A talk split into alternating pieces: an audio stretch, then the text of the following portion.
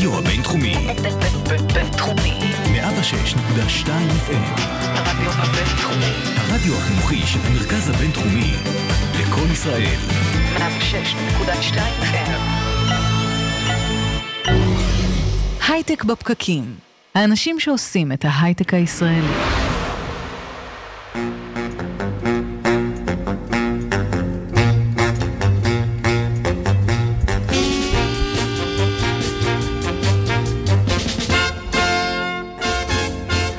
בוקר טוב, יום חמישי, ה-22 במרץ 2018, בהרצליה עכשיו 22 מעלות. הייטק בפרקים.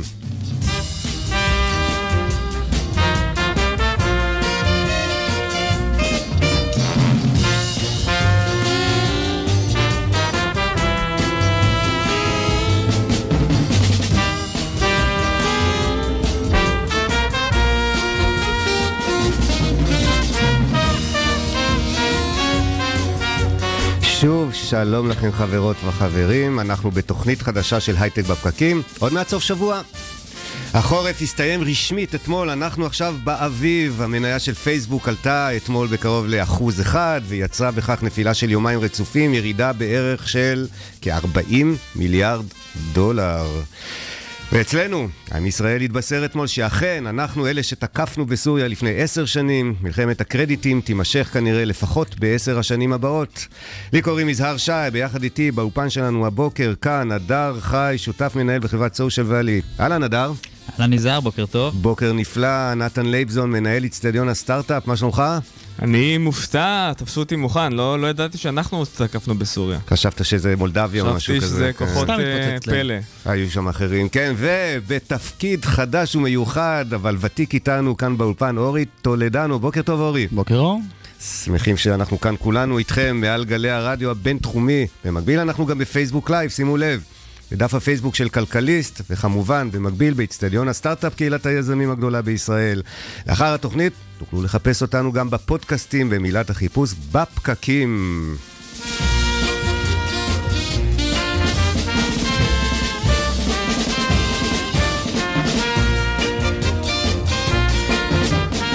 אז ככה חברים, אנחנו נלווה אתכם עכשיו בדרך לעבודה, אתם מזדחלים לכם לאט לאיטכם בכבישים, בדרך ליום העבודה האחרון של השבוע. מי שמכם כבר הגיע למשרד, שילחו לנו שאלות, תגובות והערות כאן באצטדיון או בכלכליסט. תוך כדי שידור אנחנו מבטיחים לנסות להתייחס לדברים המעניינים ביותר שתכתבו שם. איתנו הבוקר עוד מעט אבי דומושביצקי, הוא סופר ובעבר גם היה יזם הייטק, משקיע הון סיכון. נראה איך כל זה מתחבר ביחד. בסטארט-אפ בפקקים הבוקר, סיון קלר תארח את מורן סיזר, מנכ"לית ביקום. פרשת השבוע, אברמי וינגוט חוזר אלינו מארצות הברית לספר לנו מה חדש השבוע בפרשה. ואנחנו נפתח בחדשות. אורי טולדנו, מה חדש אצלנו? רגע, בוא נראה אם אני יודע לעשות את זה, אורי, לפני שאתה מתחיל. או שאני לא יודע. חדשות. אוקיי, אז uh, בלאגן ענק בפייסבוק, כנראה ההסתמכות הכי גדולה של פייסבוק מאז ההקמה של לפני 14 שנים, והתייחסות ראשונה של צוקרברג אחרי שהוא שומר על שתיקה בקשר לפרשה הזאת, וחוץ מלהעלות תמונות של uh, אוזני המן הוא לא ממש מגיב, אז במהלך הלילה הוא מתראיין uh, לרשת CNN. Uh, ולפני שנדבר על, uh, באופן מפתיע, הוא אמר שם משהו מעניין, ציפינו ממנו שלא יחדש לנו שום דבר, נתייחס לזה עוד מעט, קודם אני אקח אתכם לסיפור מההתחלה. אז uh, חשש לשימוש אסור בפרטים של 50 מיליון משתמשים, המפלגה, המפלגה הרפובליקאית במהלך הבחירות בארצות הברית שכרה את שירותיה של חברה בשם קיימברידג' אנליטיקה, שתנהל להם את כל התחום של השיווק ברשתות החברתיות. והטענה היא שקיימברידג' אספה והשתמשה במידע על משתמשים ללא ידיעתם.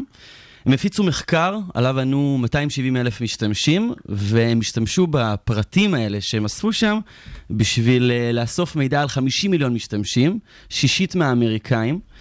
אמ, אותם משתמשים שהפרטים שלהם אה, נפרצו, הם הציגו להם אה, מודעות פוליטיות מותאמות אישית, ובהתחשב בזה שהבחירות בארצות הברית הוכרעו הוכרעו על חודם של כמה אלפי קולות בחלק מהמדינות, אנחנו מסתכלים על מה שיכול להיות אחת מהסיבות לזה, שהטראמפ, לזה שטראמפ זכה בבחירות בסופו של דבר. ודיברו אבל שזה לא רק הבחירות בארצות הברית, שגם השפיעו על הברקזיט? אז זה נכון, קיימברידג' אנליטיקה אה, מנהלת אה, קמפיינים דיגיטליים, גם פוליטיים וגם אה, למטרות עסקיות. אה, באתר שלהם כתוב שהם אה, השתתפו ב-100 מסעות פוליטיים ברחבי העולם, ביניהם גם הברקזיט, אה, גם סיפורים פחות מוכרים בקניה, במקסיקו, בברזיל, היה להם בצ'כיה, הם מאוד מתגאים שהייתה להם אה, השפעה מאוד משמעותית על הבחירות. אורי, אתה חושב שזה משהו שהוא זמני, או אה, משבר אה, שיכול אה, להתפתח למשהו גדול יותר? שאלה טובה. אמ, הציניקנים יגידו שזה, המניה הושפעה מאוד, אבל זה מה רק... הציניקנים? אוי, מה, 40 מיליארד דולר, הם ירדו נכון, בכמעט 9 עשרה. אחוז. כן, בין 9 ל-10 אחוזים ביומיים, אז מאז 2014 הם לא היו במדד הזה. כן, אז הם כן הושפעו מאוד משמעותית. אני חושב שמעניין אה, לציין שאחרי כל מה שתיארת כאן בפירוט אה, נכון, אה, אורי, מנכ"ל פייסבוק, מרק צוקרברג, אתמול כתב פוסט, והמניה קפצה כן. ישר באחוז אחד, רק- ואחרי זה הוא גם התראיין ב-CNN. ו... נזכיר את ההתפתחות של השבוע האחרון. כן. אמ, הרשויות האמריקאיות, ה-FTC, רשות הצרכנות האמריקאית, מתחילה בחקירה של פייסבוק וקיימברידג' אנליטיקה, זה מה שמוביל את המניה של אה, פייסבוק לרדת בכמעט אה, עשרה אחוזים. אמ, זה מוביל לדיון מאוד מעניין של פייסבוק מחזיקה כל כך הרבה מידע עלינו, היא חברה כל כך חזקה, אני חושב שלא נראו כאלה מונופולים חזקים אה, מאז ומעולם. חוץ אה, מאמזון ו... כן, לא וגוגל. ברור, אבל, אבל התקופה הזאת, אני מדבר באופן כללי על התקופה שבאמת חברות מחזיקות כל כך הרבה כוח, כל כך הרבה אה, מידע על המשתמשים. יש פה איזשהו סיכון, ואולי הגיע הזמן שהרגולטור אה, יתערב בכל הסיפור הזה. והרגולטור הזמין את מרק צוקרברג כנראה לשימוע בקונגרס. כן, לא רק הם, אלא גם בקונגרס האירופי ובקונגרס אה, הבריטי, גם שזה שם מפחיד. נציגים של פייסבוק מרק מוזמנים לשימוע. האיחוד האירופי, הוא משקשק. הוא אבל- גם אמר בריאיון שהוא אה, הולך, אה, כנראה, אם, אם יזמינו אותו, הוא כנראה הולך אני להגיע. חשבתי שזה מעניין, הכתבת של CNN, ראינו בבוקר בדרך לפה, הכתבת של CNN שואלת את צוקרברג, אם יזמנו אותך לשימוע בקונגרס, האם תלך? והוא מועיל בטובו, אומר, אני חושב שאו שאני אשלח מישהו, או שאני אלך בעצמי לשימוע ב... מה, בקונגרס מזמינים אותך לשימוע? אני לא חושב שזה כל כך אה, עניין של זה אבל רצון הוא, טוב. רוצ, הוא רוצה להתרגל לקונגרס בתור אה, ראש הממשלה שיהיה מתישהו. הנשיא, אה, הנשיא. כן, הוא עומד לקבל איזושהי כזאת אה, חניכה לפני הזמן, אז נראה לי הוא קצת יותר- יאהב את זה. הוא כבר יותר חזק מהנשיא, זה, בגלל זה זה לא, אין לו בעיה אני רוצה להזכיר רוצה. לכם איפה אנחנו נמצאים, באיזה קטע בתוכנית. חדשות השבוע. יפה, כי אני באמת בלי ג'ינגל יוצא באיחור מהבית. אה, רק נגיד שבלילה מרק צוקרברג מתייחס לזה בסופו של דבר, אומר ש, אה, שהוא מאוד מתנצל כמובן, מה שהוא אומר זה ש... אה, היא שואלת אותו אם uh, כדאי לפקח על פייסבוק, והוא אומר, כן, אני לא פוסל את זה בכלל, יכול מאוד להיות שכדאי שתהיה רגולציה על פייסבוק. שפייסבוק תפקח על פייסבוק, אה, כדי שאף אחד אחר לא יפקח. כן. אז שבוע עמוס, ואני עובר לידיעה הבאה. אורבוטק אה, נרכשת ב-3.4 מיליארד דולר על ידי KLA-Tencor, האקזיט הגדול ביותר אה, בסטארט-אפ הישראלי, בהייטק הישראלי ב-2018. אה, אורבוטק, אחת מהחברות המובילות בעולם לניטור ושיפור תהליכי ייצור של שבבים, אה, ממוקמת ביבנה, הוקמה לפני 40 שנה, מלמד אותנו איזשהו שיעור על סבלנות. אה, נמכרת בשווי של 17% מעל הערך המנייתי שלהם, שזה בשורות מעולות להייטק הישראלי, בשורות מעולות גם לפנסיה שלנו, כי קרנות הפנסיה שלנו, חלק מהן מושקעות יופי, שם. הרווחנו, וכל הכבוד לאורבוטק. דרך אגב, אורבוטק היא ייחוד מלפני 20 שנה בערך של שתי חברות, אה, אופטרוטק ואורבוט. סיפור ישראלי יפה של שתי חברות מתחרות מרות שהחליטו להתחבר ביחד. יופי של תוצאה לאיחוד הזה. יצא גם שם יפה ביניהם. ואורי מדבר על. פנסיה אחרי הסטארט-אפ אה, בשבוע שעבר. כן. אני רואה שהשפיעו עליך. אה, קצת גדל לי הפנסיה, מאוד מבסוט מהעניין הזה. אה, אורבוטק, אני אגב לא מסכים לגבי השם היפה שלהם, אני לא חושב שהוא שם כזה יפה. אה, הם קיבלו החלטה עסקית מאוד מוצלחת ב-2014, כשהם החליטו אה, להרחיב את התחום שלהם רק מניטור של, של ייצור שבבים, וממש התחילו לייצר שבבים, כאשר הם קנו חברה בריטית בשם SPTS. ומאז בעצם המניה שלהם עולה ועולה בשנה, ב-12 חודשים האחרונים, המניה שלהם עלתה ב-87 אחוזים, ומתחילת 2018 היא עלתה בכמעט 10, אחו- כמעט 10 אחוזים. זה בעקבות ההצל... ההחלטה הזאת מ-2014. וכדאי לדבר גם קצת על היזמים שלהם. אה, יוחאי, היזם שלהם, הקים את זה ביחד עם עוד אה, יוחאי ריכטר. יוחאי ריכטר הקים את זה עם יחד אח שלו ועוד אה, שני יזמים, אה, בוגר של חיל האוויר, ובשורות טובות מכל הסיפור הזה זה שהם אה, נשארים בארץ עם 700 העובדים שלהם, לא הולכים לעזוב אותנו. אחלה, יופי של חדשות, האקזיט הגדול ביותר של 2018. ידיעה אחרונה לסיום. אה, אז כמובן אי אפשר שלא להתייחס לביקור של אה, אילון מאסק, אחד האנשים הצבעוניים בהייטק העולמי וגם מי שעומד בראש טסלה. הייתה, היו הרבה מסתורין לגבי הסיבה ללמה הוא הגיע לארץ. אה, בכלכליסט, או בגלובס, טענו שהביקור שלו עסק בשיתוף פעולה אפשרי בין קורטיקה, חברת ה-AI שמפתחת אה, טכנולוגיה שבקרוב גם תשמש במכוניות האוטונומיות, לבין טסלה. הוא אמר שזה לחלוטין לא נכון, שזה אומר שזה כנראה נכון. שזה אומר שזה כנראה נכון, הוא גם אמר שהוא לא מגיע להייטק בפקקים. כן, גם את זה הוא אמר. וגם פה יש לנו הפתעה בשידור. כן. רק שכיוון שקיבלנו כמה תגובות על העניין הזה, רק להבהיר, זו הייתה הודעה היתולית לגמרי. של מנהל ההפקה שלנו, הדר חי. אילון מאסק, אה, אומנם אילו היה יודע על קיומנו, בטוח שזה היה הדבר הכי חשוב שהוא היה עושה בישראל, אבל הוא לא ידע, ולכן... הוא רצה, הוא פשוט לא נכנס ל line-up. אז גם הטוויט שפרסמנו בשמו היה היתולי כמובן. Fake news. יש לנו fake news, יש לנו כבוד גדול לאילון מאסק, ואיזה יופי שהוא היה בארץ. אורי טולדנו, תודה רבה על חדשות השבוע. תודה רבה. בוקר לך, בשנת תרל"ח, את ציר הענבים, יצאו מיפו על סוסים. חמשת הרוכבים, שטמפר בא וגוטמן בא, וזרח ויואל מוישה סלומון עם חרב באבנט.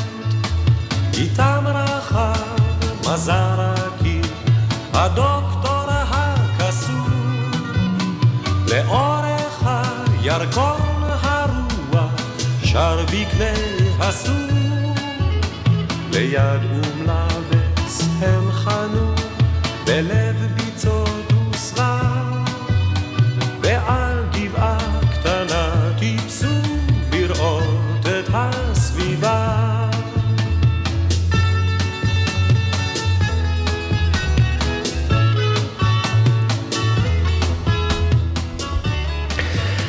אבי דומושביצקי, אני קורא מהכריכה האחורית של ספר שאני מחזיק בידיי. אבי הוא יזם הייטק מצליח, משקיע הון סיכון בקרנות ישראליות ואמריקאיות. ספריו גיבור מזדמן ופ- ופרד במנהטן. נמכרו בעשרות אלפי עותקים והפכו לרבי מכר, הם זכו להצלחה רבה באמזון גם כן. ואבי דומושביצקי, איתנו כאן באולפן הבוקר, בוקר טוב לך. בוקר אור. אבי, תגיד, אה, אתה יזם הייטק מצליח, משקיע הון סיכון מצליח, כמו שרשום בכריכה של הספר, היית שותף באחת מקרנות ההון סיכון המובילות בעולם. מה עלה בדעתך ללכת לכתוב סיפורים במקום לעשות אותם במו ידיך? א', הגיע הזמן ליהנות מהחיים. שתיים, אני לא חושב שיש הבדל באמת משמעותי בין כתיבת ספר להמצאת סטארט-אפ. אה, בהרבה רבדים, רבדים שאנחנו לא חושבים עליהם. זאת אומרת, אנחנו, כשאני אומר את זה, אנשים אומרים, כן, צריכים למצוא רעיון טוב. אבל בכל הרבדים של בניית חברה, זה זהה לחלוטין לכתיבת ספר.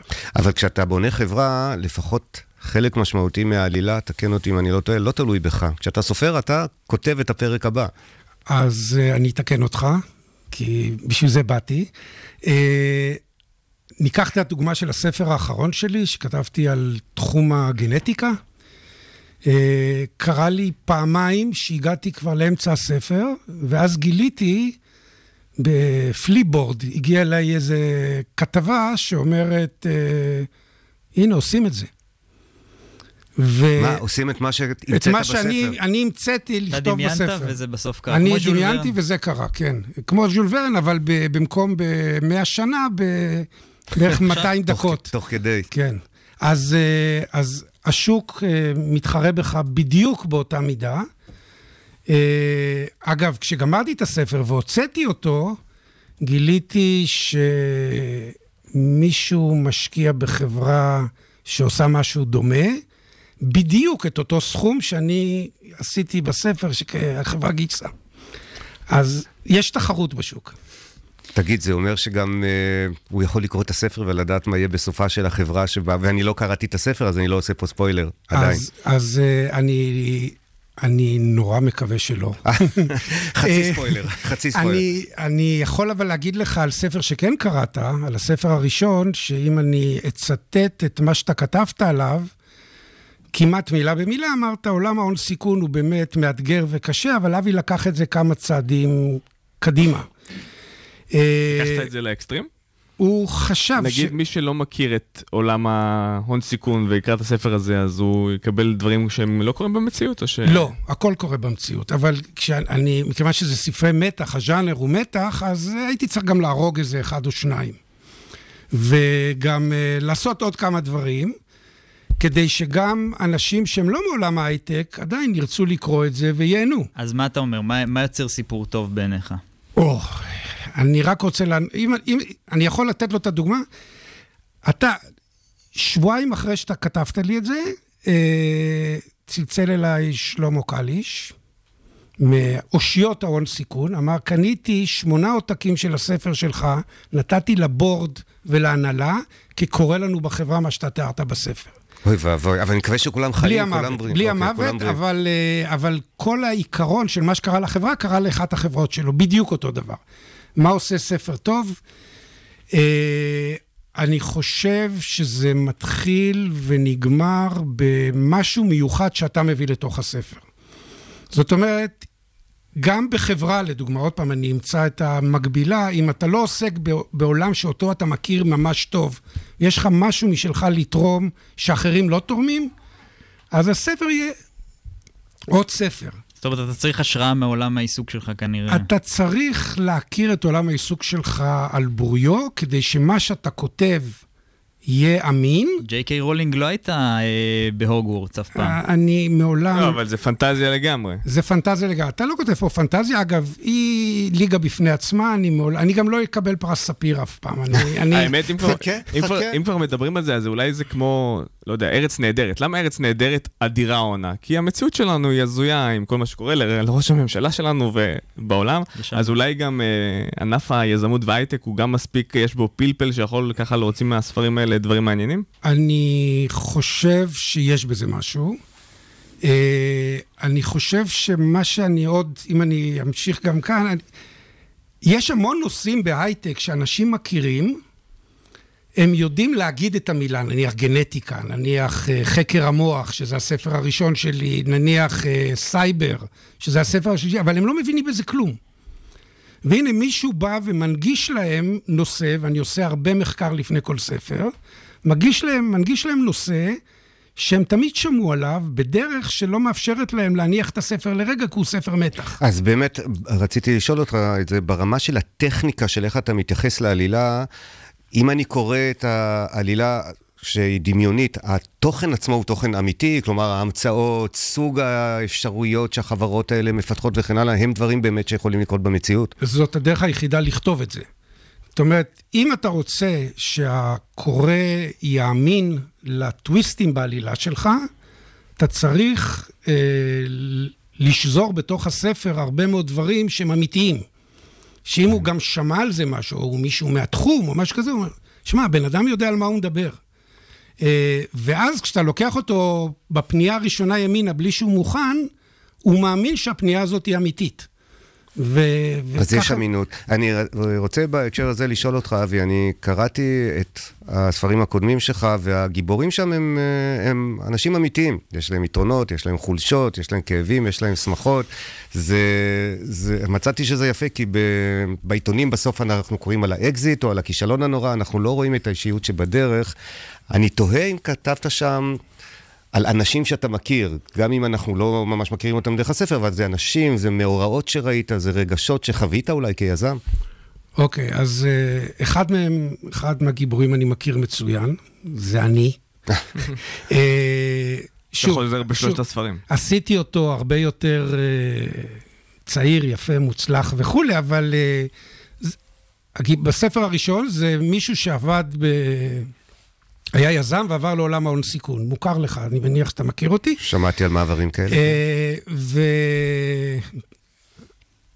ובספר השני לקחתי את היזמים האלה, המדהימים, החכמים, האלה שאני מעריץ אותם כל פעם שאני נפגש איתם, כי אני רואה כל כך הרבה IQ, שכששנינו יושבים בחדר לדוגמה, ואני יוצא או אני נכנס, לא משנה את כמות ה-IQ בחדר, כי הם כל כך חבר'ה חכמים. אבל הם מהסוג הזה שאומר לך בפנים תמיד מה הוא חושב, הוא תמיד, אה, אין לו זמן ליחסי אנוש, אין לו, הוא תמיד מעצבן את כולם. אבל אתה גם מגלה שברגעי האמת הוא הבן אדם שאתה יכול לסמוך עליו. ואת הספר השני שלי כתבתי מעין אה, לכבודם, בוא נקרא לזה. כי אני באמת, הם עשו לי את כל השיער שיבה, הם, הם אשמים בהרבה קמטים שיש לי בפנים, אבל אני תמיד, תמיד, תמיד הערכתי אותם, ואני אני חושב שבזכותם התעשייה שלנו נראית כמו שהיא נראית. עמוס תלמור כותב לך, אבי איש מיוחד במינו, דרישת שלום. הנה דרישת שלום ממאזין שגם מסתכל עליך עכשיו בפייסבוק, בוא נראה גם במקומות אחרים.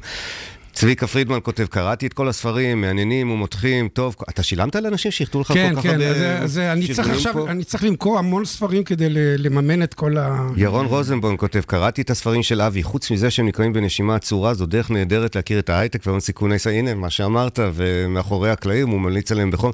בוא נמחיז רגע קטע, אנחנו יכולים אה, לקחת איזה דיאלוג מאחד הספרים. יאללה, בוא, בוא ננסה. אז אני אקח ספר. אה, בוא נראה אם אני פותח בעמוד הנכון, חשבתי שאני יודע איפה זה. אה, הנה, יופי. קטע אומנותי. קטע אומנותי. אז- אנחנו נהיה דרמטיים, מה, מה אני, אנחנו אני רואים רק אתן את הרקע. כן, תן לנו אתן את רקע. הרקע. אה, אגב, זה משהו שתוכנן, כמו שאתם מבינים. אה, החברה קורא לה מצב לא נעים, שבעקבותיו אה, המשקיעים מחליטים לקחת את הכסף חזרה ולעזוב את החברה, כאילו לא קרה מעולם כזה דבר. ולמאזיננו היקרים, דברים כאלה קורים מדי פעם. מדי פעם, ויומיים אחרי זה אחד המשקיעים שקם והלך אה, מצלצל ואומר, אני רוצה לרכוש את החברה. השיחה שאנחנו עושים זה בין היזם והמשקיע היחיד שנשאר ונתן לו גיבוי. בסדר, אני, אני היזם. אתה, אני, או, אתה היזם. אני רגע, אז היזם. מה, אז אני האיש הרע. אני לא, המשק- הוא היחיד שנשאר, אתה איש טוב. אוקיי. אני לא הייתי נותן לך תפקיד של איש רע. חברים, יצאתי איש טוב. המלאך. אני המלאך. אה, אני חושב שההצעה מעליבה. אם זה היה תלוי רק בי, הייתי דוחה אותה. אבל אני רואה בך שותף מלא, ולכן חשובה לי דעתך. Hmm, קודם כל, תודה. אני מעריך זאת מאוד. האמת, אני מאוד מוטרד מהשיחה שתיארת, היא מאוד לא אופיינית לווייט. האיש הזה בדרך כלל אגרסיבי, הוא מעולם לא מודה בטעות. לפי מה שתיארת, הוא נמצא בלחץ עצום. אני לא מסוגל להעלות על דעתי מה היה גורם לו ללחץ כזה. אלא אם כן הוא שמע שעומדים לרכוש את החברה שלך בסכום גבוה, דבר שיעמיד את החלטתו לוותר על החזקותיו בחברה באור גרוע.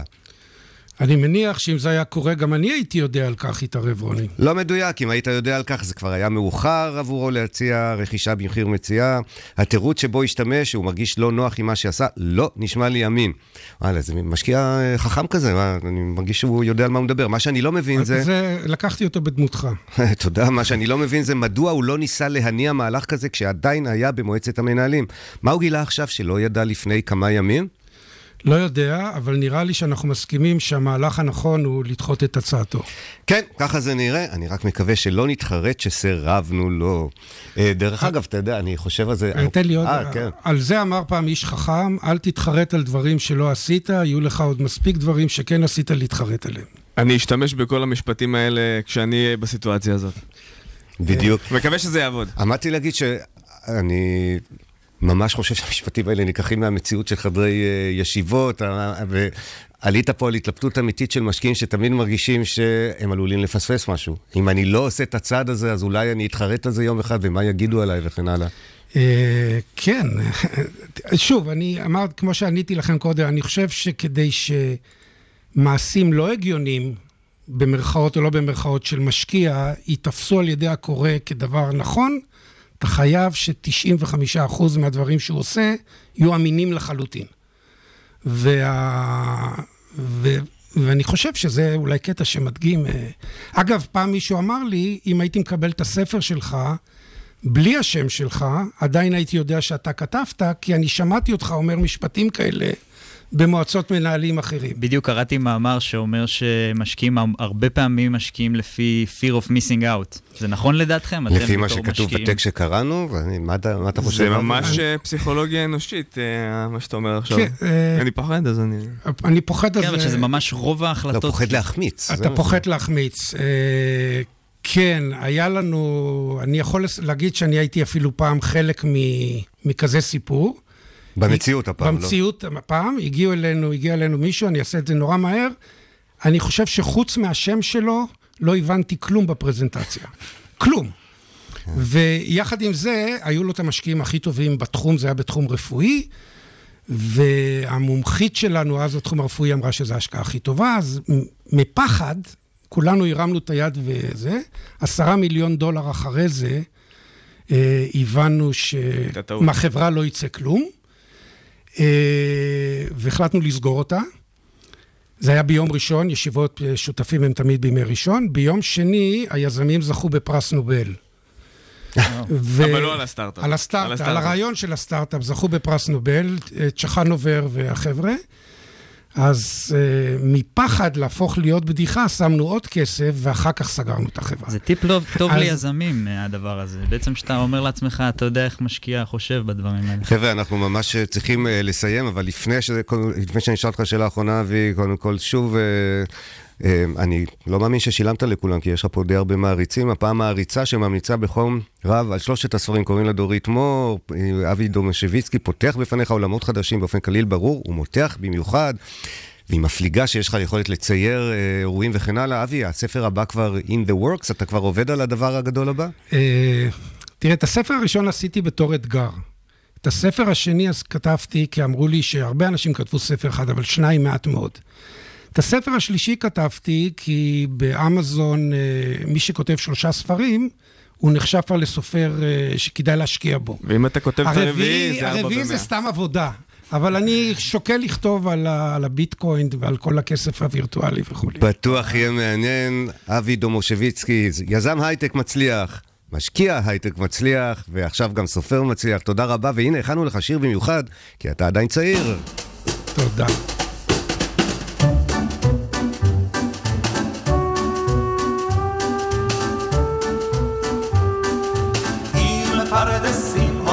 משגעים אותך בריח, עם בלילות אתה שיכור מן הירח, עם רוח מרחקים בצווארונך תמיד נושבת, ויש לך קוצים במקום שבו נהוג לשבת, זה סימן שאתה צעיר, כמו יום אביב בהיר, כמו יום אביב בהיר, סימן שאתה צעיר. לך לצאת ולטעות בדרך. אם בשדות אתה כותב מדי פעם פרח ואם כשכבר חורשים סוף סוף את השדות האלה אתה אולי הולך בטל אך לא הולך בתלם. זה סימן שאתה צעיר. שאתה צעיר. כמו יום אביב בהיר. כמו יום אביב בהיר סימן שאתה צעיר שפת חיה עוד רגילה לסנדליך אם לפעמים אתה יוצא עוד מכליך אם טיפת חוצפה מן הנשמה שלך לא פגה ואם עוד בינתיים לא קראו לך להגה זה סימן שאתה צעיר אוי יום אביב בהיר אוי יום אביב בהיר סימן שאתה צעיר משגעים אותך שירים וגם גיטרה. נכנסת אלינו לאולפן סיון קלר, בוקר טוב סיון. בוקר טוב יזהר, מעניינים. טוב, חברים, השבוע נשיא המדינה, אה, כבודו רובי ריבלין, דיבר בנאום חשוב בכנס שהיה בתל אביב על אה, נושא הפערים החברתיים ואיך אנחנו מתמודדים איתם. היו לו שם כמה דברים אה, והערות מעניינות שתפסו כותרות רבות. אחת מהן דיברה על מיקומו של ההייטק. אה, במארג הזה שנקרא החברה הישראלית והכלכלה הישראלית. דרך אגב, הוא אה, ביקש להפחית בחשיבות של אה, ההייטק יחסית לענפי כלכלה אחרים, וסיבותיו עימו, והם נשמעו שם בקול רם. הוא גם דיבר על פערים חברתיים. האתגר הראשון הוא טיפול בפערים החברתיים והבטחת המוביליות החברתית. נתון מוכר וכואב הוא שהפערים החברתיים בישראל הם מהגבוהים ביותר בין מדינות ה-OECD. שיעורי העוני בישראל, הפערים הגבוהים ברמת השירותים החברתיים, החברתיים שמקבלות קבוצות שונות. מה אתם אומרים, חברים? הפערים החברתיים מטרידים אתכם אה, כאנשים צעירים שמתחילים את דרכם בכלכלה, בחברה הישראלית? מה אתם חושבים? תראה, לא תמיד אתה מרגיש את זה ביומיום שלך, אה, אבל אה, אני בטוח שיש פה אה, אה, פערים.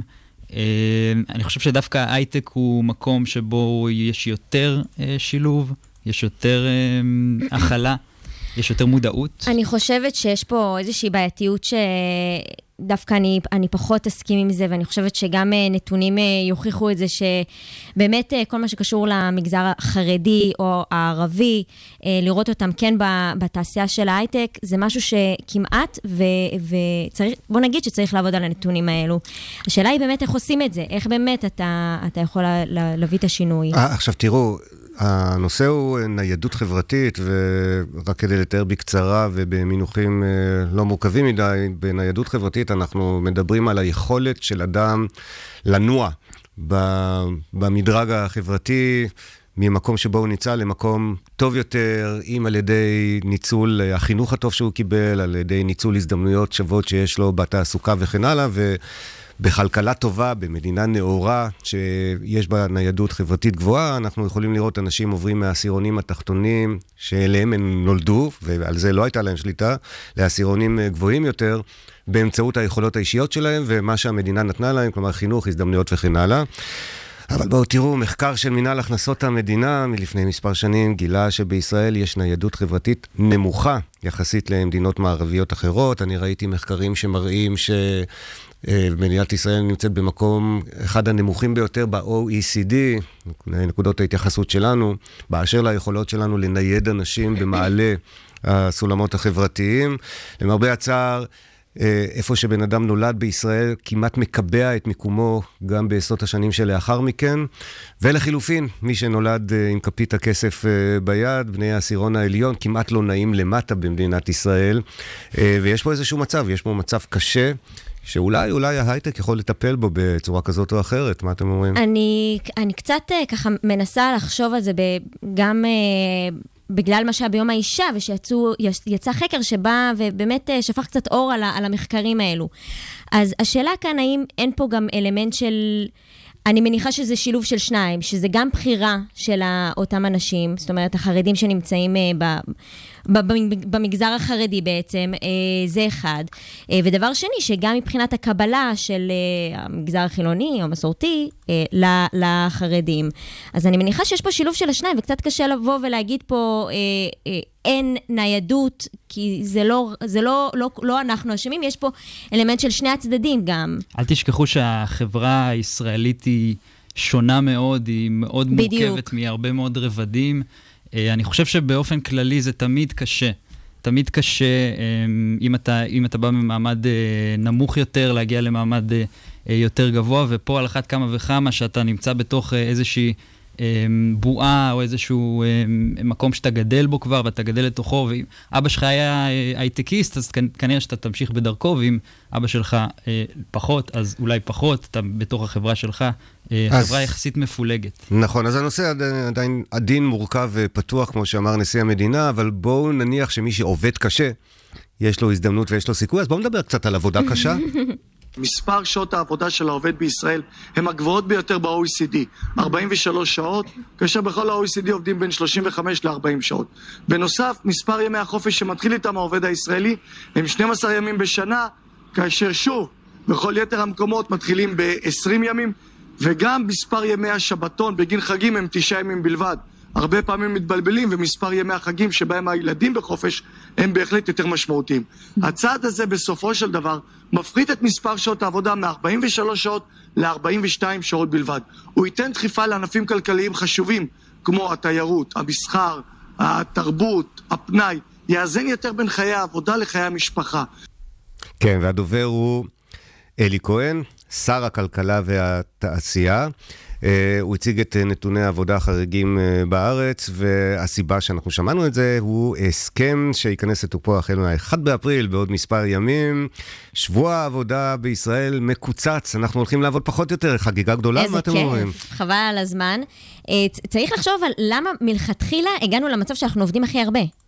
ומה דעתך? אז אני, ממה שאני קראתי, אז uh, יש פה אלמנט של הפריון עבודה. Uh, יזהר, אתה רוצה להרחיב uh, מה זה אומר? כן, בלי להיכנס להגדרות, אני חושב שבפריון עבודה אנחנו מדברים על אה, התוצרת, התפוקה שלנו כתוצאה מכך שאנחנו עובדים מספר שעות מסוים ומשקיעים אה, במשאבים מסוימים וכן הלאה.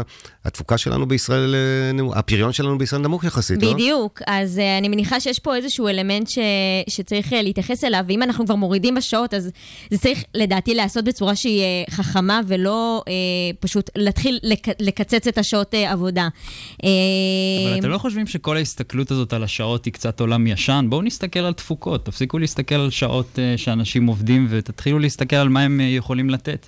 היום אנשים יכולים לעבוד מכל מקום, הם לא חייבים ל, uh, להעביר כרטיס בהרבה מאוד uh, מקומות. בואו נראה אותך גיבור גדול, אתה מדבר מנקודה הייטקיסטית כזאת שלנו בבועה, ואני חושב שהשר דיבר בכלל על uh, עובדי, uh, עובדים במדינת ישראל שזכאים לעבוד פחות, אבל תגיד, אצלך בחברה, אתה מעסיק הרי, אתם סופרים לאנשים שעות או אתם אומרים בואו נראה לא, תפוקות? ממש לא, רק לתקופ... לתפוקות. אז אם אני עובד... אם הוא עובד שעה בחודש והוא מביא את התפוקה, כנראה אה, שלא. רגע, תחזור על זה, אולי אפשר לבוא לעבוד אצלך, אבל אם אני עובד שלך, אתה לא, לא אכפת לך כמה שעות אה, באתי היום לעבודה? ממש לא, אני חושב שאם העובד הוא מספיק אה, יודע לקחת על עצמו אחריות על... על פונקציה מסוימת או על, על משהו וזה, וזה מרגיש לו שלא, אז הוא ייקח על זה את הפיקוד והוא יעשה את זה והוא ידאג שזה יקרה אה, הרבה יותר טוב ממני, בשאיפה לפחות. אה, ואני חושב שזה המקום שאנחנו צריכים לשאוף אליו. אני, תראו, זה, זה לא תמיד uh, ככה, ואני יודע, אני לא תמים, וזה מאוד תלוי בסוג של הבן אדם, לא כולם uh, מגדילי ראש ועושים, ו- ואפשר לתת להם לעבוד מהבית. בדיוק, זה מה שרציתי להגיד, שיכול להיות שיעשה רק ספציפית את מה שהוא צריך לעשות, ושם יסיים, והופה, הבן אדם מקבל הרי משכורת שהיא גלובלית, ובסופו של דבר מה שקורה זה שיש לו הרבה זמן לא מנוצל, הוא עושה רק מה שביקשו ממנו. כן, אבל עדיין יש פה איזה ניגוד. יש פה איזה ניגוד עניינים שבין אה, אה, הבן אדם רק רוצה שיעבור הזמן, והוא לא אכפת לו ממה יקרה ואיך, אם הלקוחות יהיו מרוצים ואם הוא ייתן שירות טוב, לבין אה, אה, אם הוא בכלל עושה עבודה. אה. תסכימו איתי גם שצריך עובדים מסוג מסוים כדי לבוא לעובד ולהגיד לו, עולה.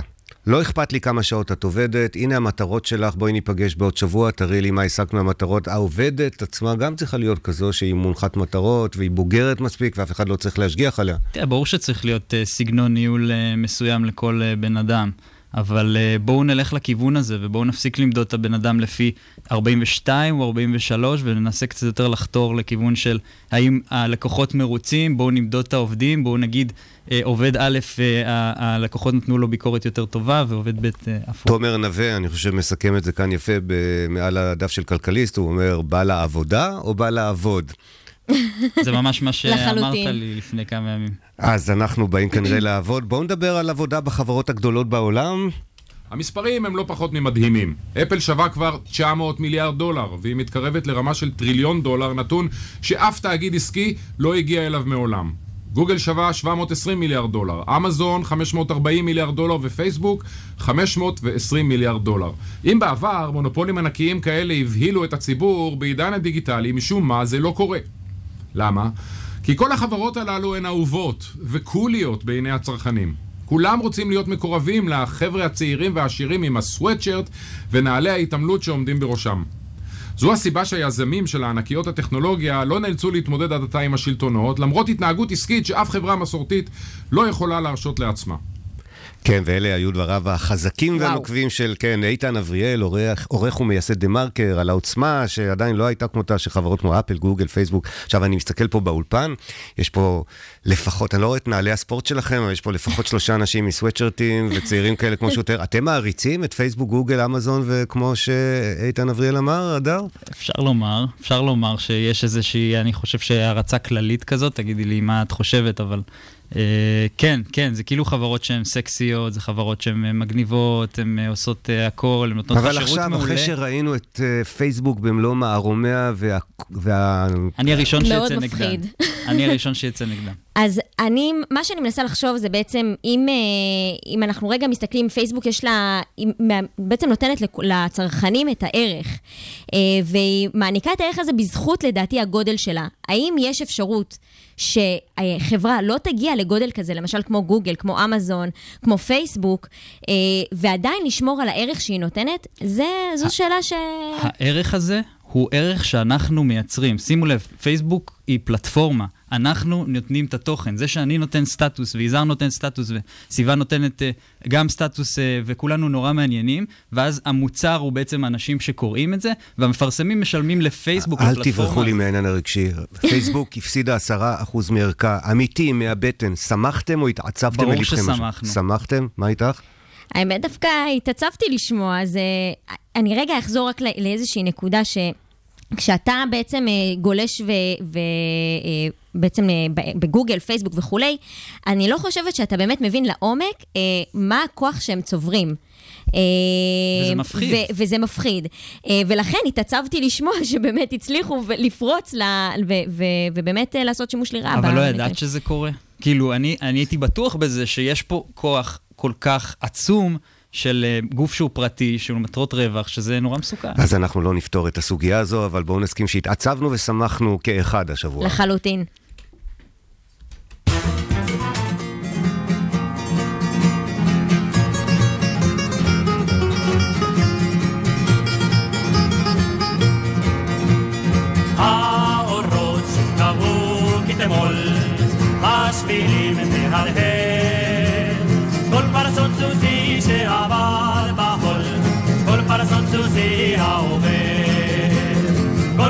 סוסי שעבר בחול, כל פרסות סוסי העובר. הו, שובה אליי, שובה אליי המדבר.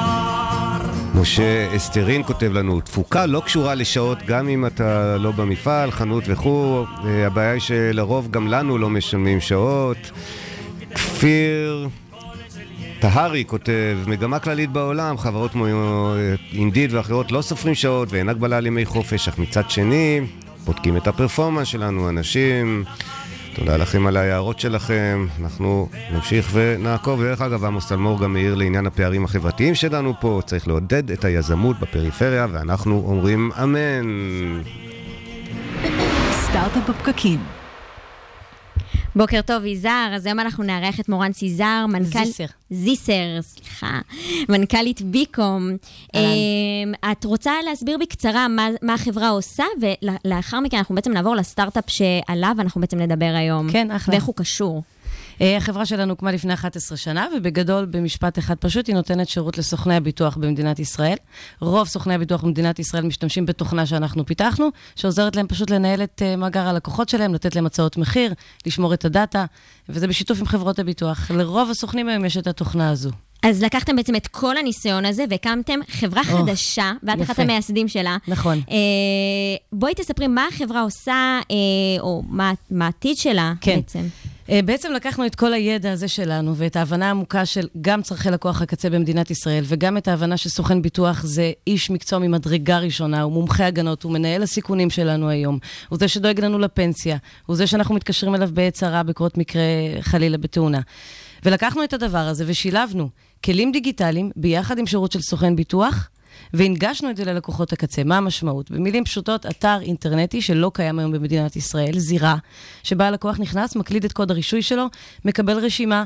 בדיוק כמו שאתה מכיר בבוקינג או בטראבליסט של 13,000 סוכני ביטוח, mm. יכול לבחור את סוכן הביטוח שהוא רוצה, לדרג לפי אזור גיאוגרפי, להיכנס פנימה, להפיק את הפוליסה אונליין, לא קיים היום במדינת ישראל כזה דבר, אלא אם זה חברת ביטוח ספציפית אחת, ולא אהמ. 13,000 סוכנים. בעצם היום זה, זה עם גורם אנושי מסוים, נכון? שבסופו כן. של דבר אתה צריך לדבר עם אתה הסוכן. תגיע לטלפון, זה לא לסוכן, גרוע מזה. אתה תגיע ל call center או לפקידה שעובדת שם על בסיס שעתי, של אותה חברת ביטוח ישירה או דיגיטלית, שנותנת לך את הפרטים והולכת הביתה בסוף היום. אין לה שום אחריות או חבות כלפיך, לא ברמת השירות ולא כאשת מקצוע.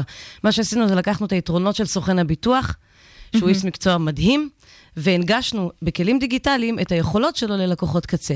מעניין כי זה לא אותי- fair fight אפילו, סוכן ביטוח היום שמתמודד מול חברת ביטוח דיגיטלית ישירה, זה לא fair fight. איך, איך הלקוחות מקבלים את זה? כי יש משהו שהוא אה, נחמד בזה שיש אה, גורם אנושי בסופו של דבר שמדבר איתך. אני תמיד אומרת, אז, אה, אמ, הדיגיטציה, ואני ראשונה לומר את זה כמי שממנכ"לת חברת טכנולוגיה, אה, וזה בדמי, בוודאי שזה חשוב, אבל מתישהו בדרך התבלבלנו ולא שמנו לב שהדיגיטציה היא לא המטרה, אלא אמצעי.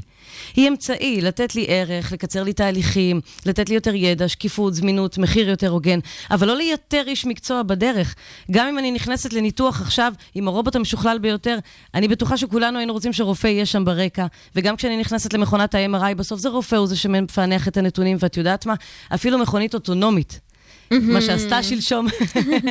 היה נורא נחמד לי, אם היו נותנים לי את הבחירה שבמכונית האוטונומית, האוטונומית הזו יישב גם נהג וישתה קפה מאחורי ההגה למקרה של disaster. על פי מה לגמרי. מודדים אה, סוכני ביטוח בכלל? על פי איזה פרמטרים מודדים אצלכם? על פי איזה פרמטר אתה מודד סוכן ביטוח? בעיקר אה, שירותיות ואימון נחמד. יפה מאוד. יפה מאוד. נחמד זה חשוב מאוד, כן. איש מקצוע זה חשוב לא פחות. שהוא ינג'ס הוא לי, ובדרך כלל זה לא קורה.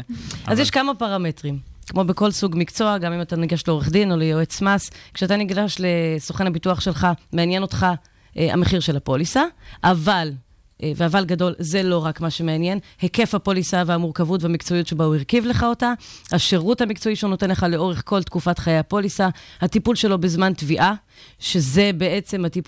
החלק המהותי ביותר, הרי אתה בגדול כמעט ולא רוצה לדבר עם סוכן הביטוח שלך, כי אה, כשאתה מדבר איתו כבר זה אומר שאתה חייב, כי קרה לך חלילה משהו, ודווקא שם אתה צריך את הבן אדם בקצה שיטפל בך, ולא את אותה מוקדנית.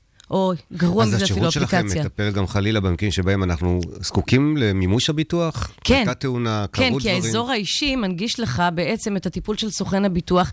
אנחנו, להפך, אנחנו מעצימים את סוכן הביטוח פה. אם עד היום המשחק היה, ונתנו לך לבחור או תהליך דיגיטלי חצי מלא, כי בסוף יש טלפון, אבל בוא ניקח ונחמיא להם ונגיד שהוא דיגיטלי מלא עם הפקה. או סוכן ביטוח, לקחנו ונתנו לך את שני הפרמטרים ביחד. בנוסף, כניסה לאזור אישי שבו אתה יכול גם לטפל בתיק, גם להתקשר עם הסוכן. להפך, אנחנו נשמח אפילו אם תרים טלפון לסוכן, תקפוץ אליו, הוא ישלח לך את החומר. אחר כך אתה מתנהל מול סוכן, אבל גם באזור אישי.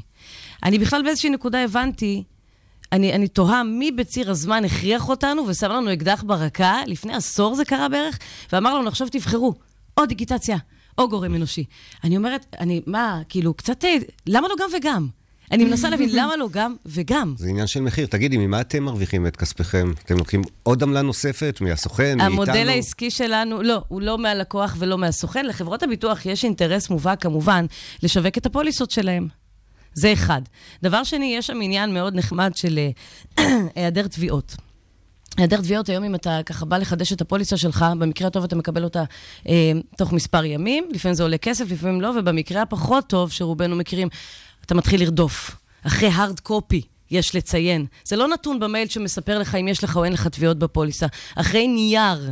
ב-2018, שאומר האם תבעו את הפוליסה בשלוש השנים האחרונות או לא. מה שאנחנו עשינו זה לקחנו את התהליך הזה, הפכנו אותו גם לפולי אוטומטיק, ועל זה אתה כן תהיה מוכן, אני מקווה, לשלם כמה אגורות, כדי שאני אחסוך לך שבועיים של ריצות ותהיה מבוטח. מעניין אותי לשמוע מה הקשיים שאת מתמודדת עם, אה, אה, למול סוכני הביטוח. אני, ככה אני לא בקצרה. מתמודדת עם קשיים מול סוכני ביטוח, אני חושבת שסוכני הביטוח הם אלה שמתמודדים עם קשיים. הם אלה שהם- שמתמודדים. בוודאי. מהמם. מה שהם עוברים בשנים האחרונות, ענף הביטוח, עזבי את הטלטלה הרגולטורית, ה- הרצח אופי שאותו איש מקצוע ממדרגה ראשונה עובר, הוא משהו שהוא לא מידתי ולא פרופורציונלי, בטח לא לאף ענף אחר, ואני פשוט מתקשה להבין למה. הרי זה אותו אדם שהוא עושה כמעט שליחות עבורנו. אני לא רואה את אותו רצח אופי שעושים לשום מקום אחר, לא ליועצי מס, לא לעורכי דין, לא לרופאים. למה לקחו את עולם הביטוח? אני לפעמים תוהה. והפכו אותו למשהו, כמעט זילות מהמם. של הענף. כן. אנחנו לא מזמינים פה פיצה. אנחנו מדברים פה בחיי אדם. זה אדם שמנהל את הסיכונים שלנו בחיים ומומחה ההגנות שלנו בחיים. ואני חושבת שצריך קצת להיזכר בזה ולהעלות אותם חזרה על הכס שמגיע להם, ולא נשכח שמדובר ב-250 אלף משרות במדינת ישראל, סוכני הביטוח ועובדיהם. וואו, אז כן. ככה, לסיום אני אשמח לדעת, בנוגע לחברה החדשה, מתי תכלס אנחנו נתחיל להשתמש בה? וואו, אני מקווה. שתוך מספר חודשים. עכשיו אנחנו ככה ב... בהקמה הסופית של הדברים ובסגירת קצוות, ואני מקווה שתוך מספר חודשים זה עולה לאוויר, ונוכל לעשות ככה איזשהו סוף סוף אה, מהפכה, באמת מהפכה, ולא מהפכה ככותרת. שיהיה לכם המון בהצלחה, אני אשמח רבה. לשמוע בהמשך. בכיף. תודה שהגעת. תודה.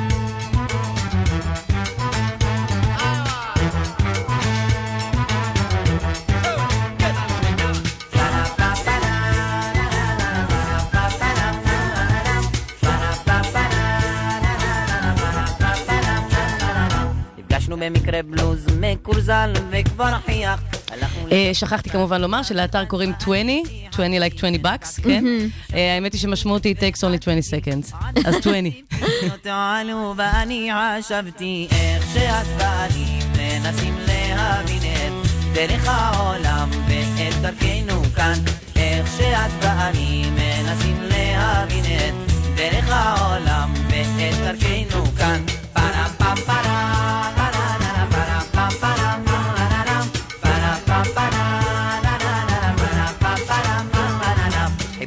חזק אך הרגשתי לחוץ ומאוים חיבקתי חזרה אך היית כבר שונה ואני עזבתי כל כך הרבה מילים עברו בינינו אהובה אך מה אומר לך כשאת חולמת בשבילי איך שאת באה לי מנסים להבין את דרך העולם ואת דרכנו כאן איך שאת באה לי פרשת השבוע. עם אברמי וינגוט שחזר אלינו מניו יורק. מה שלומך אברמי? ברוך השם, ברוך, ברוך השם. השם. וואי, איזה שידור טוב. שמחים שחזרת אלינו, ואנחנו השבוע בפרשת צו. כן, פרשת צו זה פרשה של קורבנות. אתה רוצה לשמוע מה אני בחרתי לי? כן, זה קורבנות. הנה, קח אה, איזה פסוק אחד או שניים. צו את אהרון ואת בניו לאמור, זאת תורת העולה.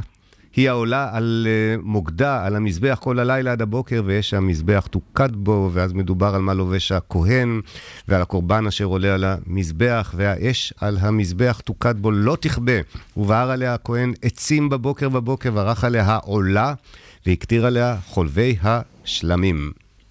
מה דעתך, יזהר? מחר נבנה בית המקדש, לא מחר עוד שעה. יורד משמיים.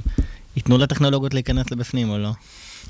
אמ, אני מקווה שבניית בית המקדש תהיה משולבת גם בטכנולוגיה של המאה ה-21, שייבנה במהרה בימינו, המשיח יתחזק אותנו בפייסבוק ובטוויטר, ואנחנו נהיה מעודכנים כל לפי הזמן. מה שאני מכיר את אברמי, אני חושב שהוא בעד.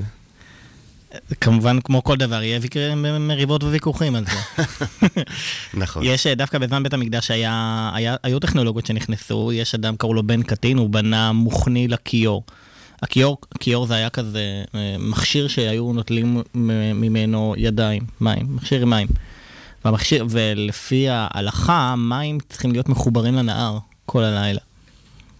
ויש בעיה, אז כל הלילה ניקח את כל המים, את הכיור הזה, נכניס אותו לתוך נהר עם המים, ואז בבוקר נוציא אותו, זה מורכב. אז הוא בנה מכונה כמו מעלית, וכל לילה הכניסו אותה לנהר ויצאה מהנהר. ככה, ככה מספרת הגמרא. אמ, האמת היא שבדרך כלל במקומות האלה, גם אם, גם אם אנחנו, נגיד שאנחנו מסכימים לחדשנות ורוצים את החדשנות, יש אה, רגישות מאוד גבוהה כשהיא מגיעה לדברים אה, רוחניים. ניתן דוגמה דווקא מהימים האלה, אנחנו בערב פסח עכשיו. אתם מכירים את המצות העגולות בטח. והמרובעות? בטח. רגע, אם יש מוזיקה זה אומר שצריך לסיים? לא, לא, זה אומר שזה נותן. אווירה? מי שמאזין אה. לך נכנס לאווירת הקדושה. כן, אז המרובעות יותר טעימות, מה עוד? המרובעות יותר מה טעימות? פתאום? מה פתאום? העגולה... האלה בלי השוקולד. נתן, מאיפה הגעת? העגולה האותנטית הזאת, שהיא קצת מקומטת ככה, גלים גלים. אותם אבל קונים רק בבני ברק. אז אתם יודעים מה הסיפור של העגולות והמרובעות? ספר לנו. אז זהו, אז זה פשוט סיפור של הוויכוח בין נהגי אובר לממשלה, ממש ככה. אה, המצות תמיד עשו אותם עגולות ועבודת יד, כמו כל דבר, ואז הגיע איזה חברמן אחד בגליציה, הונגריה, היה... ובנה מכונה שמסובבים את היד והמצה מוכנה, כלומר לא חשמלית. מסובבים ידית כזאתי, שיש בה מסילות וגלגלות, ויש אה, מרדד את המצה ויוצא מצה יפה מהצד השני. והוא אמר, תראו איזה יופי, אין לנו בעיה, לא ייפסלו מצות, תהליך הרבה יותר קצר, בלי... הרכב האוטונומי עושה פחות תאונות, יהיה פחות חמץ ב- ב- בעניין הזה. ואז קם אה, קול רעש גדול, כמובן מצד אחד בעלי המאפיות, שכמובן חששו לפרנסתם ולפרנסת כל אלה שמרדדים, שזה עד היום אה, עבודה טובה. ואז קמו כאלה, אמרו בכלל, זה יכול להיות חמץ, כי יכול להיות אה, קמחים שנשארים בין הברזלים, וזה בסדר, בעיה טכנית. ואז הגיע עוד אחד ואמר, רגע, תקשיבו, בליל הסדר צריך לאכול מצה שאנחנו מכינים אותה, לא שהמכונה מכינה אותה. אז הגיע ההוא ואמר, מה הבעיה? רגע, אני לא מכין אותה? אני עומד ומסובב את הידית, וזה אומר שאני מכין את המצה. בוא, אם אני לוחץ על כפתור והמכונה עובדת, אז אני לא מכין אותה? אני מכין אותה. אז נהיה ויכוח בדיוק על העניין הזה, מי עושה את הפעולה, המכונה או האדם? אה, וזה נהיה ויכוח גדול, וכמובן כמו כל דבר אצל, אצלנו... ה- בטח יש איזה רב שפסק, מי צודק, לא? אז כמו שאמרתי, יש מחלוקת. אה, יש עדיין מחלוקת? עד עד ימינו. עד לעצם היום הזה? הליטאים אוכלים מצות מרובעות, החסידים אוכלים מצות אה, עגולות. כמו כל דבר, יש אה, רגישות גבוהה מאוד מאוד מאוד לנראות. אז מה קרה? בהתחלה, מי התחיל לאכול את המצות המרובעות? ישר אלה שמקילים, אלה שבא להם להתפטר מהזה. אה, כבר יש אוכלי מצות מרובעות ויש אוכלי מצות עגולות, אז גם אם זה כשר וגם אם הכל בסדר, אנחנו כבר לא מצטרפים לאלה שאוכלים את המצות המרובעות. כמו כל דבר, הסמנטיקה מדברת הרבה. וזו התוצאה, עד היום יש כאלה שאוכלים מצות עגולות, ויש כאלה מצות מרובעות. אפילו שבטוח היום המרובעות כנראה יותר כשרות מהעגולות, זה אין ספק. והטכנולוגיה יום אחד תוכל לאחד בין המצות? שנחזור לאיזה לא, לא מצה תוכל, אחת? לא, לא תוכל, אין סיכוי בעולם. זה אני נקרא לרבע. את המעגל או לעגל את הריבוע, אי כן, אפשר. בדיוק, או כן. כך או כך. אולי ליצור משולש, זה הפשרה. תגיד, אה? אברהמי, מה, אתם כבר התחלתם להצטייד במצות לקראת חג הפסח? ברור, בטח, אני שלשום נסעתי למאפייה באשדוד, ואתה יודע, מאפייה מצות עבודת יד, עולה קילו 200 שקל, אתם, אתם רוצים, נעשה לכם סיור בכזאת, בכזה מקום מאוד יפה. כבר נרשמנו. תגיד, ותן לנו קצת לוחות זמנים שנערך פה, מתי צריך לבאר את החמץ ולהיות מוכנים לחלוטין? פסח זה ביום שישי הרי, בעוד שבוע. וואי וואי, אני לא יודע. כנראה לא. בשעה 10, 9, לא יודע, משהו כזה. לא, אבל מה, יש לנו עוד כמה ימים, נכון? זה עוד לא... יש לנו עוד שבוע, הכל בסדר, יש לנו עוד שבוע ויום, בעזרת השם, יהיה פסח, כשר לשמח, תהיה חגיגה טובה, יש הייטק בפרקים שבוע הבא? ודאי, נדבר ונאחל חג שמח לכולנו. מעולה. אברהמי וינגוט, תודה רבה שהגעת. אלינו. ויינגוט, מה יהיה איתי? שמות משפחה ואתה... זה אברהמי לא- ויינגוט, אבל עדיין כשר, ועדיין נפלא לארח אותך פה תמיד. תודה רבה תודה, שהגעת גם. אלינו, שבת שלום. מדהימים.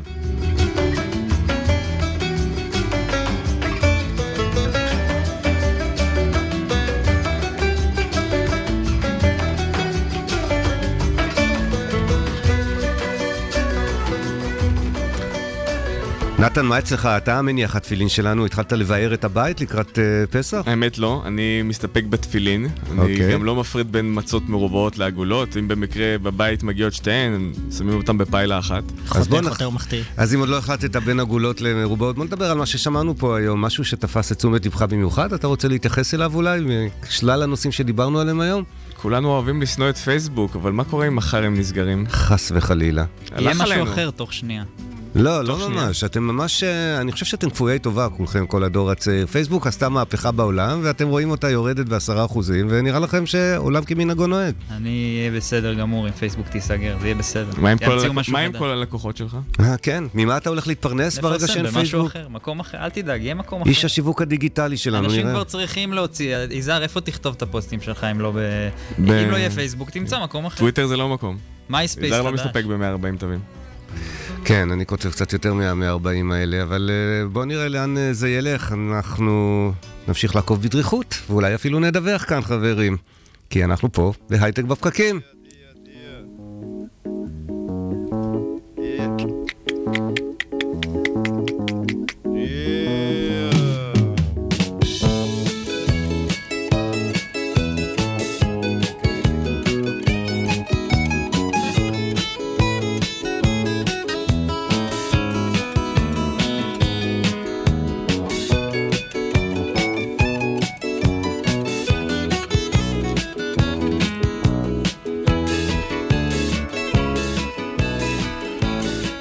ניר קוריס אה, כותב לנו הבוקר, וגם אה, רבים אחרים שהצטרפו כאן לשידור. תודה לכם שאתם אה, כאן איתנו. בואו נראה אם אנחנו מסוגלים לאסוף כמה שמות.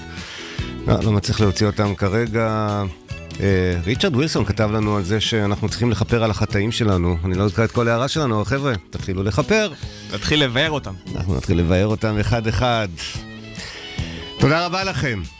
הדר חי ונתן לייבזון שהייתם כאן באולפן הבוקר. תודה לאורחים שלנו הבוקר, הסופר אבי דומושביצקי, מורן סיזר ואברמי ויינגוט שהביא לנו את דבריו החכמים לגבי פרשת השבוע. הפיקו את השידור הבוקר סיון קלר ורועי קליק, המפיק הראשי שלנו הדר חי. עורך מוזיקלי ואיש החדשות שלנו הבוקר באולפן אורי טולדנו. כן, הביא לשידור דניאל ליסנר, ושימו לב, הוא לובש הבוקר את הסוואטשרט של הייטק בפקקים. גאים בך, דניאל. השפענו גם עליו.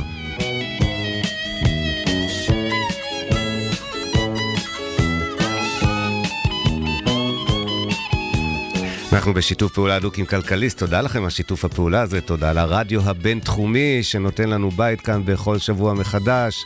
לכם, בעיקר המאזינים שמלווים אותנו בפקקים בדרך לעבודה שלכם, סעו בזהירות אם טרם הגעתם למשרד, יום טוב ומהנה למי שכבר הגיע. יום חמישי הבא, כמו שאברהם אמר, יום לפני ליל הסדר.